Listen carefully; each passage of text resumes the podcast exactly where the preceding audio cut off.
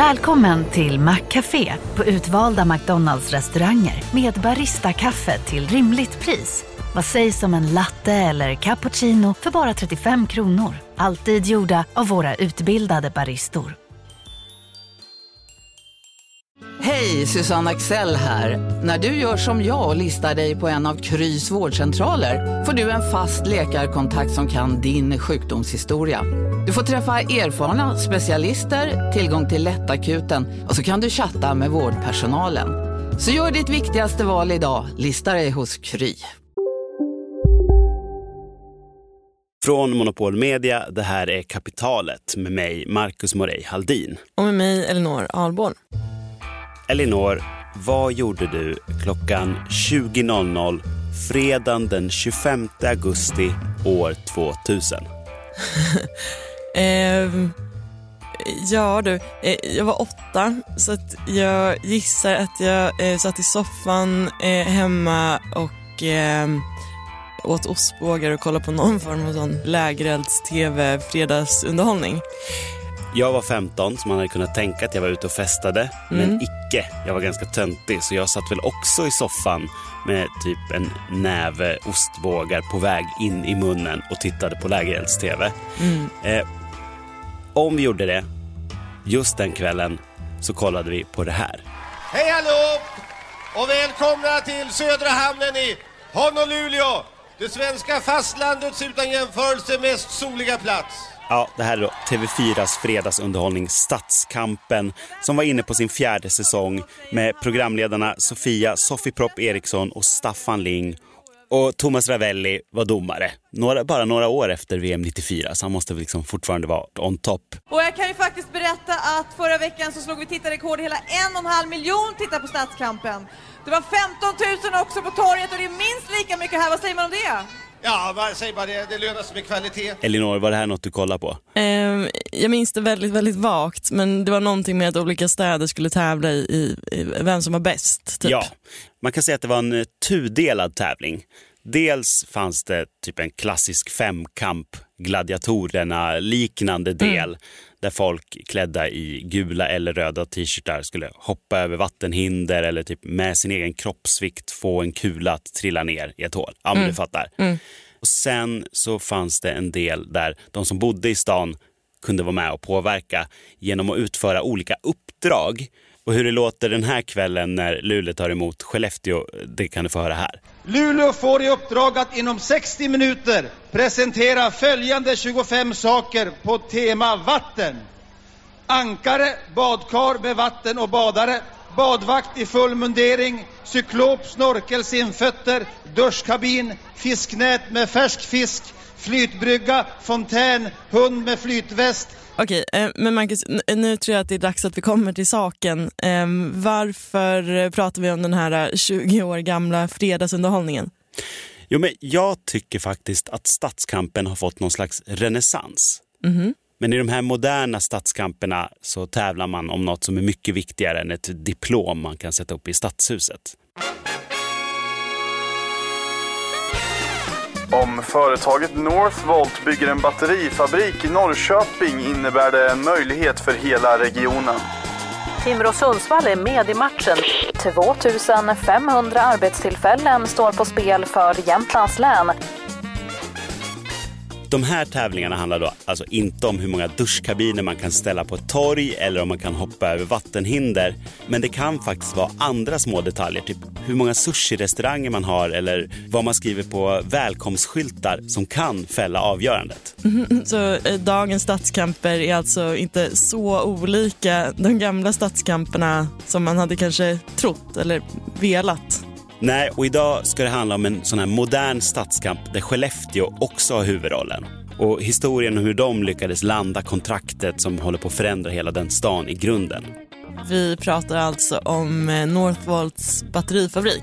Jajamän. I dagens Kapitalet, hur kommuner kämpar om jätteetableringar med tusentals jobb, vad företagen letar efter och hur de överraskande smådetaljerna kan fälla avgörandet. Efter det här.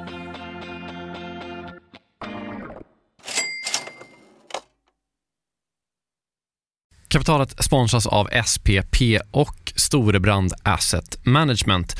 Eh, Storebrand och SPP hör ju ihop sedan många år och utan att gå in på några detaljer här och nu så kan vi i alla fall säga att eh, Storebrand förvaltar över 1200 miljarder kronor, bland annat åt just SPP. Och du har ju träffat Storebrand, Jakob, och pratat om eh, Kina. Ja, eh, vi, vi pratar i alla fall om hur Kina blivit en sån otroligt viktig del i omställningen av energisystemet. Eh, över 70 procent av värdekedjorna inom vind och solkraft kontrolleras av Kina, vilket mm. är otroligt när man tänker på det. Ja.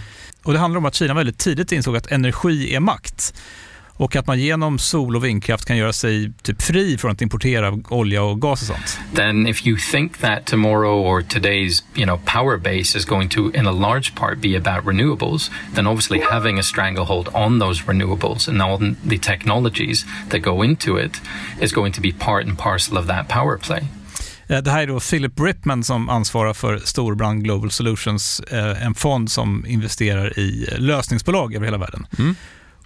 Och hela det här avsnittet om Kina och geopolitiken som nu liksom är invävd i den globala omställningen, eh, den släpper vi som en bonus här i kapitalet nu i veckan.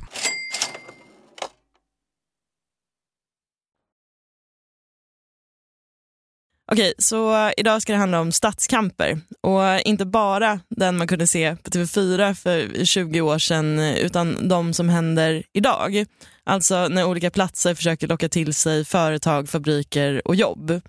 Och hur små detaljer, eller nästan slumpen, kan avgöra. Nu så har ju de första batterierna rullat ut från tillverkningsbandet på den här enorma Northvolt 1-fabriken, större än Gamla stan i yta. Oj. Men vi ska tillbaka i tiden en sådär tio år när Skellefteå var en stad där utvecklingen gick åt fel håll. Vi hade haft ungefär samma befolkning de senaste 50 åren. Eh, den stora skillnaden var att eh, sammansättningen av befolkningen hade ändrats. Vi har haft mm, liksom en vanlig befolkningspyramid förut men nu var det en midja. Vi saknade just de här unga människorna som hade flyttat ifrån Skellefteå under 90-talet. Och, ehm, och du, du var en av dem? Jag var en av dem. Lämnade 92. Och hon som hade flyttat men sen flyttar hem igen efter 20 år, det är Helena Renström. Och hon började då som marknadschef på kommunen. Även om jag befann mig på en 20-årig resa runt Bottenviken eh, på många olika platser så var det nog lite svårt att känna den här riktiga hemmakänslan någon annanstans än just hemma. Okej, så eh, cirka år 2012 då, typ, eh, så är det för få som kände som Helena och Skellefteå har en för gammal befolkning. Ja, med liksom alla ekonomiska utmaningar det innebär med för lite skatteintäkter och så vidare och så vidare. Och dessutom hade de ett ganska starkt näringsliv som började varna om kompetensbrist framåt. Ja, alla prognoser då lutade mot att vi skulle minska. Så man inser, något måste göras. Man drar igång någon slags medborgardialog där alla får tycka till om hur man tycker att Skellefteå ska se ut i framtiden. Och 2014 någonstans så kommer man ut med en ny strategi. Där planerar man för tunga investeringar för framtiden för att få stan att växa med typ ny infrastruktur, ett nytt flådigt kulturhus i trä som ska bli världsunikt. Okej, så det har man alltså råd med eh, trots att man har den här gamla befolkningen som eh, inte betalar så mycket skatt? Kassan är god. Mycket för att Skellefteå äger Skellefteå Kraft, energibolaget. I samma veva så kommer man fram till att målet är att Skellefteå ska öka till 80 000 invånare till år 2030. Man går ut superbrett med det här i någon slags framtidsvision för att få med alla på tåget. Skulle du ha väckt en Skelleftebo då 2015 och frågat hur många vi ska bli så skulle nog de flesta ha kunnat svara på den frågan. Så det blev ett enormt engagemang. Okej, så den här eh, invånaren som vaknar mitt i natten, eh, den gör det 2015. Eh, hur långt hade man kommit då? Då bodde det 72 000 i Skellefteå och det hade det gjort i typ tio år, så det hade legat still. Och mm. risken var ju då att, man skulle, att det skulle minska. Man sa att befolkningen behövde öka med 500 personer årligen de närmsta 16 åren och så hade det inte alls sett ut. Okej, och här någonstans då så antar jag att att eh, Northvolt ska komma in i bilden? Ja, det börjar egentligen med något som heter Nodepole. Eh, det här är då ett bolag som kommunägda Skellefteå Kraft grundade tillsammans med konkurrenten Vattenfall i början av 2017.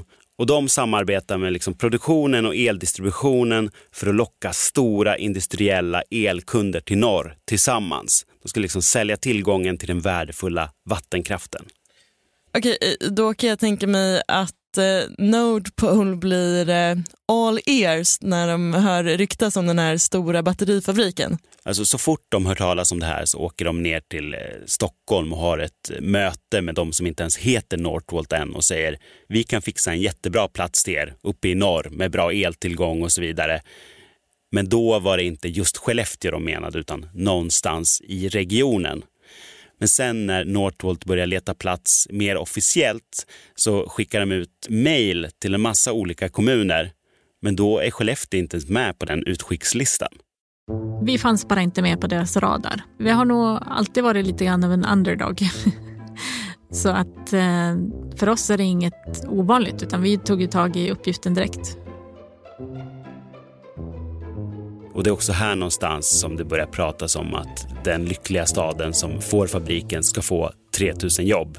Och det är ju då bara på fabriken. Sen så finns det ju alla kringjobb och underleverantörer och folk som ska serva de här personerna och sådär. För många städer som är lite mindre så skulle det här verkligen vara en, game changer. Mm. Verklighetens stadskamp är inledd. Det här mejlet som man får det innehåller jättemycket frågor om infrastruktur och mark och jättemånga sådana grejer och man har tio dagar på sig att svara. Men grejen är att Skellefteå redan har varit med i racet om några sådana här major etableringar men förlorat. Eh, om man nu ska använda stadskampens språk. Så en del av jobbet med att ta fram svaren på de här frågorna är redan gjorda. Mark är planerad och så vidare och så vidare. Så de kan bara köra en så copy-paste? Exakt, och de försöker hela tiden dessutom ligga steget före. Vi förstod att de skulle vilja ha en flygdrönarfilm över området. Så då gjorde vi en drönarfilm redan innan de efterfrågade den här drönarfilmen. För det är ju just sådana saker som tar tid, eller om man ska få fram detaljerade dokument om processvatten eller ja, vad det nu kan vara. Okej, så Skellefteå med Helena Renström i spetsen. De är jättebra på att ligga steget före. Men jag tänker att det måste finnas en massa andra grejer också som man kan göra om man vill ha en fabrik i sin stad. Alltså det finns såklart jättemånga grejer, men först tänkte jag att vi ska ta en liten avstickare. För Sverige är ju inte det enda landet där det har funnits sådana här tävlingar om jättestora etableringar. Utan ungefär i samma tid som hela Northvolt-grejen hände så var det i USA något som många kallade The Hunger Games of Cities där olika städer tävlade om att få Amazon till sin stad. And may the odds be ever in your favor. Men eftersom det är USA så gör de det ju såklart lite mer showbiz.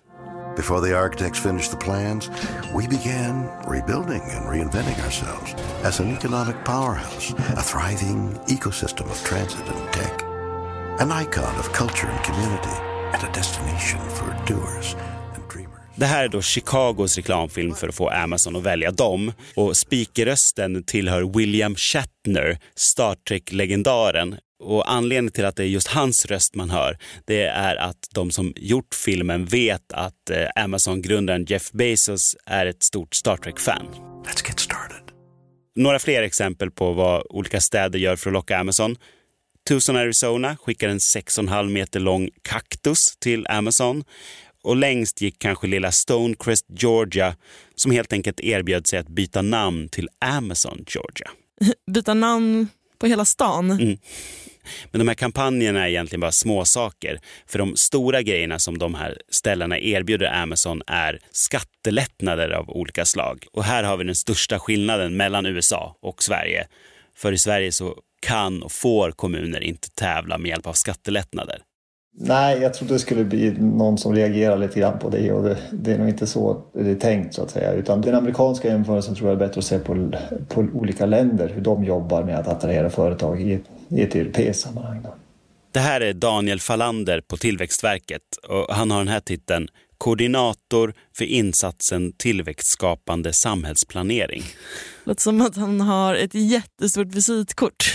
Ja. Eh, Okej, okay, men eh, det han eh, pratar om, eh, det har man ju ändå hört om. Alltså att Sverige har försökt locka till sig typ techjättars datacenter med rabatt på elskatten. Men då är det alltså att Sverige tävlar mot andra länder på samma sätt som typ delstater eller counties eller vad det är i USA kan kämpa mot varandra. Men kommuner i Sverige kan alltså inte tävla mot varandra med den typen av eh, vapen eller redskap. Exakt. En annan diskussion man har hört på liknande tema är hur mycket, eller snarare lite, gruvföretag får betala för att bedriva verksamhet i Sverige. Daniel på Tillväxtverket har varit med och skrivit rapporten Platsens betydelse för industrin där tar de upp eh, olika punkter som är viktiga för kommuner och den innehåller bland annat det här som Skellefteå gjorde rätt, att vara på tårna när man får frågor på mejlen. Då måste man vara snabb på att svara på dem. För det är ju också ett sätt för de här företagen att känna av lite grann hur intresserade är den här regionen, platsen och att vi ska befinna oss där eller att vi vill vara där. Jag tror de tar det som en liten eh, tempmätare så att säga. Det här känns som eh, motsatsen till allt jag vet om att dejta faktiskt.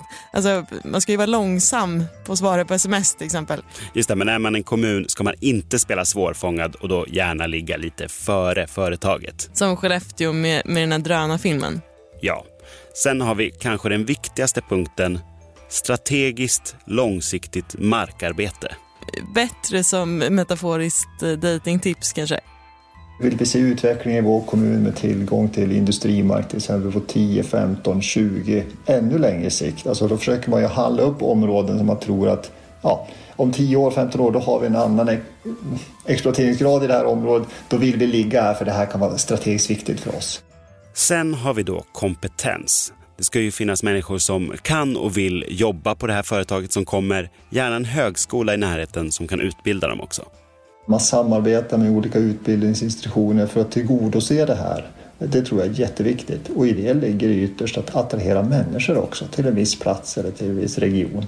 Och här har då Skellefteå dels ett campus som tillhör Luleå tekniska högskola, dels satsar de på en massa vuxenutbildningar, så man kan säga att de kryssade i den rutan också. Och förutom utbildning så finns det ju andra sätt att få folk att komma till sin stad och jobba. Och jag tycker när man har sett olika reklamfilmer som platser gör, att det är tydligt att de har olika målgrupper. Ibland är det typ vackra drönarbilder över fina landskap och bara hit hittar du lugnet, kom hit. Och andra ställen som kanske är kända som lite sömningar, de visar att här finns det ett campusliv och karriär. Så att eh, alla städer försöker verkligen eh, jobba på sitt varumärke. Men om vi tänker att det finns två kandidater som har gjort alla de här grejerna lika bra, då kan det ibland koka ner till ganska mjuka värden, typ slumpen. När man hamnar i den diskussionen, då kan det vara sådana saker som man upplever som stolpe in då för sin sajt så att säga. Eller att eh, kommunalrådet var med på ett möte och kunde lösa eller föreslå många lösningsförslag och sen kunde leverera dem inom kort till exempel. Så att säga. Det, det, det, det är svårt att värdera den men jag tror den absolut den finns där som en parameter. Och grejen är att på vissa sätt så verkar slumpen och de små detaljerna ha varit avgörande för att Skellefteå skulle få Northvolt. Hur det gick till efter det här.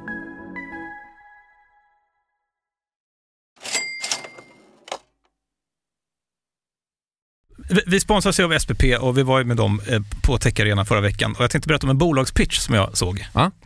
Det dyker upp en italiensk eh, tjej på scen som heter eh, Eleonora Cavani, en för detta bioingenjör och konsult som kommer på att bakteriekulturen i magen är en källa till en massa problem för folk Eh, och att det liksom börjar tidigt i livet. I have a lot of allergies and I have eczema and I've been through a lot uh, trying to change my diet and my lifestyle to really reduce my symptoms which I managed to do and uh, once I learned more about the microbiome it, it really shocked me to find out that we know that some gut microbiome imbalances in early life are linked to chronic diseases for the rest of life so I thought wow how strange that we know so many things and we're not really using them in real life. So I, I felt like I had to do something. Så hon startar något som heter Alba Health, eh, jag förväxlar med Alba Golf som vi gillar, eh, där småbarnsföräldrar kan skicka in prover från sina barn. We send you a kit. Um, it's a test that you can take at home. We need a poop sample. You can take it from the diaper. We receive it, we analyze it, we give you back results and recommendations on uh, lifestyle, food, and uh, potentially probiotics. Och, och folk kommer liksom tycka att det är lite äckligt och sånt, men jag kände så här, det är så mycket negativitet i världen just nu. Eh, och du var inne på det tidigare, liksom att det här stället var ju fullt med folk som typ vill göra grejer. Mm.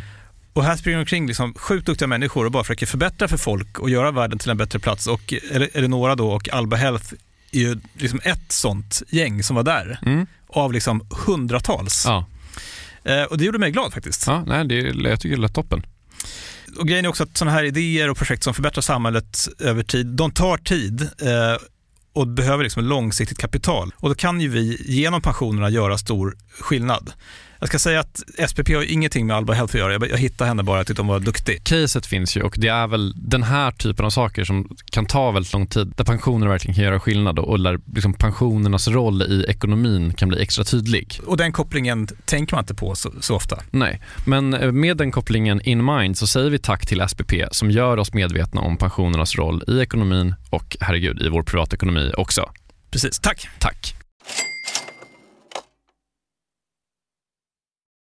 Okej, året är 2017 och Skellefteå vill jättegärna ha Northvolts fabrik. Och alla jobb och så vidare som kommer med det. Exakt. Eh, De har skickat in svar på en massa frågor. De har skickat en drönarfilm och slagits mot tuff konkurrens. Men eh, du menar också att det sen till slut var slumpen som avgjorde? Ja, för tävlingsfältet börjar liksom smalnas av. Northvolts vd Peter Karlsson går ut med att det är tio städer kvar i racet. Två i Finland, åtta i Sverige. Och jag ska säga att många av detaljerna från den här kampen som jag berättar om kommer från Anders Steinvalls bok Batterifabriken. Och där har han intervjuat personer från Skellefteå Kraft som säger att när de såg den här listan på tio städer så räknade de snabbt ut att det egentligen bara var tre riktiga kandidater kvar i racet som skulle kunna möta Northvolts stora, stora energibehov och så vidare. Just det, all, all energi som ska in i batterierna. Exakt. Det tänkte de var Skellefteå, Gävle och så motståndarna från Stadskampen år 2000, Luleå. Okej, så eh, 2017 är det olidlig spänning. Ja, och nu gäller det att visa upp sig från sin bästa sida. Northvolts VD Peter Karlsson, han tar med sitt litet team och gör en resa till Skellefteå och då tänker kommunen att man kanske har en pytteliten fördel och det här kommer bli viktigt längre fram. För i det här Northvolt-teamet som åker dit ingår ingenjören Malin Fuglesang. Ja, det är Christers dotter. Och Malins man kommer från Skellefteå. Kanske kan han lägga in några goda ord för Skellefteå. Nu känns det lite som att man eh, famlar efter halmstrån. Ja, saken är ju den att det är ett tight race. Varje detalj kanske kommer räknas. Till exempel hur vägen från flygplatsen in till stan ser ut. Det säger marknadschefen Helena Renström så föreslog jag men vi, vi hälsar dem välkomna på, på våra infartsskyltar. Jag ringde också ut till Airport och pratade med att kan ni sätta upp välkommen Northvolt där. Och så kom min man hem dagen innan och sa vad fint att det står välkommen Northvolt. Nej, det ska inte stå nu, sa jag. Och ringde och insåg att någonting hade blivit fel. Det var en felaktig tidsangivelse som blev över de här skyltsystemen som gjorde att det här stod egentligen ett dygn för tidigt. Så det blev lite bråttom och jag åkte ut själv och kollade att de här skyltarna var på plats. Man kan tänka att det här är en fånig liten detalj det här med skyltarna men Peter Karlsson, vd för Northvolt, han tog faktiskt upp det i sitt sommarprogram. På vägen från flygplatsen in till stan såg vi plötsligt en annonstavla bredvid vägen med vad som såg ut att vara en välkomsthälsning till oss. Men varken Malen eller jag såg den tillräckligt klart och tydligt så vi vände bilen och körde tillbaks och mycket riktigt, på den stora digitala skylten stod det Northvolt, välkomna till Skellefteå. Skylten visar att man har planerat vårt besök i minsta detalj. Två andra detaljer som visar att det finns andra värden än hur typ många kilowattimmar man kan leverera till en ny fabrik har med mat att göra. Den första är att Peter Karlsson, kanske lite fördomsfullt, frågade Skellefteå-gänget om de har några bra sushi-restauranger i stan eftersom de ska få så många japanska och koreanska medarbetare. Mm. Men sen då så kommer en annan detalj eller ett avgörande ögonblick in i det här. Under det här besöket så får Northvolt gå på den lyxiga restaurangen Bryggargatan. Det är en sån restaurang där man har avsmakningsmeny där eh, det är en rätt som är byggd av purjolök tillagad på tre olika sätt. Typ. Mm. Du förstår Mm. vilken slags restaurang. Man kan få lokal ost och så vidare. Och så vidare. Men Det är liksom toppstället i Skellefteå. Och vilka är då där på den här lyxiga restaurangen i Skellefteå när Northvolt är där? Jo, Malin Fuglesangs svärföräldrar. Mm. Och det här skulle ju faktiskt kunna ha påverkat hur Northvolt tog sitt beslut sen. För i efterhand har vdn sagt, det är viktigt med en bra affärsrestaurang och sen kan man ju också tänka sig att hans upplevelse blev lite mysigare för att de här svärföräldrarna var där, kom fram och hälsade. Det här Skellefteåbesöket som en del av den här turen där Northvolt skulle titta på alla städer, det var i början av maj och sen i början av juli så släpper Northvolt beslutet att det finns två städer kvar i racet. Västerås och Skellefteå.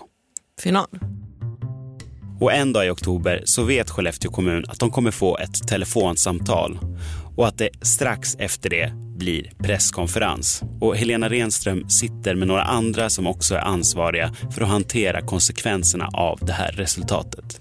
Som på nålar, gissar jag. Vi hade faktiskt förberett eh, pressmeddelanden både för om det inte skulle ha gått vägen och om det skulle ha gått vägen. Och vi satt tillsammans i ett rum eh, för att kunna också eh, hantera de frågorna som uppstod eller den, ja, lägga ut på hemsidor och pressmeddelanden och sånt där. Så vi hade både, både och förberett. Eh, och när väl beskedet kom, vi, vi fick nog informationen bara någon, kanske 30 sekunder innan alla andra. Och beskedet var alla vinner. Det ska byggas en ny forskningsanläggning i Västerås. Men, och det här är ju det viktiga, den stora fabriken hamnar i Skellefteå.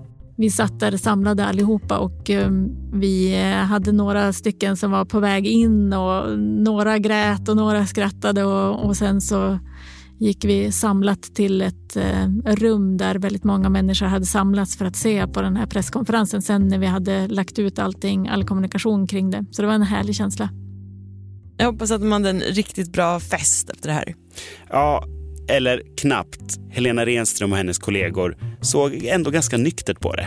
Vi hade också så här, vi ska inte fira innan det här är över. Alltså, vi har inte tagit ut några vinster i förskott utan hela tiden var det in, liksom, har haft insikten att det här är bara en milstolpe på den här resan. Det här har ju knappt börjat för oss. Men eh, med den inställningen får man ju aldrig fira. Alltså, det kommer väl alltid komma nya motgångar om man är en kommun. Ja, och nu har man ju utmaningen att locka till sig en massa folk, se till att stan växer hållbart. Var ska alla bo? Nu har man byggt baracker där studenter ska bo till exempel och det har det klagats en del på. Ändå trots att man hade målet från början att det skulle bli 80 000, vad var det, år 2030? 30. Nej, Och nu har man faktiskt ändrat det målet till 90 000 2030. Men tanken när man satte det här var väl kanske inte att det skulle växa precis så här snabbt. Och även när alla de här människorna har hittat någonstans att bo så finns det ju problem kvar. Vilket uppdagades när jag ställde den här tuffa frågan till Helena Renström. Säg något dåligt med Skellefteå. Ah. Ja, men jag, jag tänker att det som är alla mellanstora platsers utmaningar, både Skellefteå och säkert Gävle och så där, det är att vi är liksom en kan ibland vara lite svåra att komma in i. Att lära känna människor. Man har känt varandra väldigt väl under lång tid. När vi nu ska välkomna helt nya människor så gäller det att vi bjuder in och öppnar upp. Och självklart ska vi ta med dem här till vår midsommarfest eller så där. På andra platser där det finns en naturlig rörlighet, studentorter eller storstadsområden, men då är det ibland lite lättare att komma in i, i samhället. Så det behöver vi jobba med. Okej, då får vi väl eh, bara hoppas att alla de här nya Skellefteåborna blir inbjudna på grillkvällar framöver, helt enkelt. Eh, men om vi ska sammanfatta då lite. Eh, om, om man är en eh, näringslivsetableringsansvarig i eh, någon kommun i Sverige Eh, vad kan man liksom ta med sig från den här historien? Alltså, Skellefteå gjorde ju egentligen allting rätt om man ska utgå från den här rapporten som Tillväxtverket hade skrivit. De hade strategiskt markarbete, bra tillgång till el, snabba att svara och så vidare och så vidare. Men vad jag tycker att de och vi också kan ta med oss, det är ju att ibland är det slumpen eller små, små detaljer som kan göra skillnaden.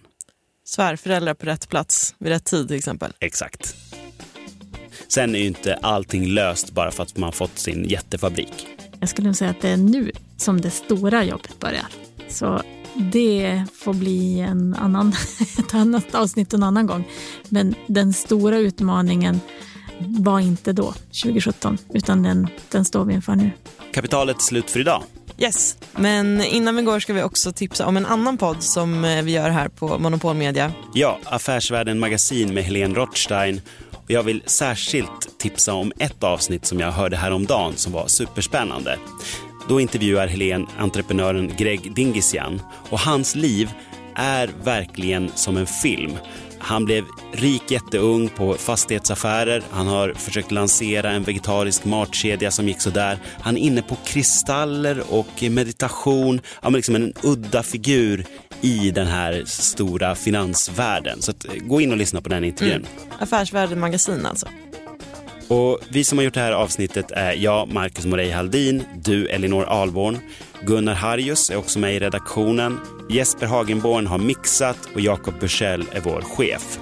Eh, jag vill också tacka Anders Steinvall som skrivit boken Batterifabriken, Skellefteå och resan mot framtidslandet. Hörs nästa vecka. Hej då!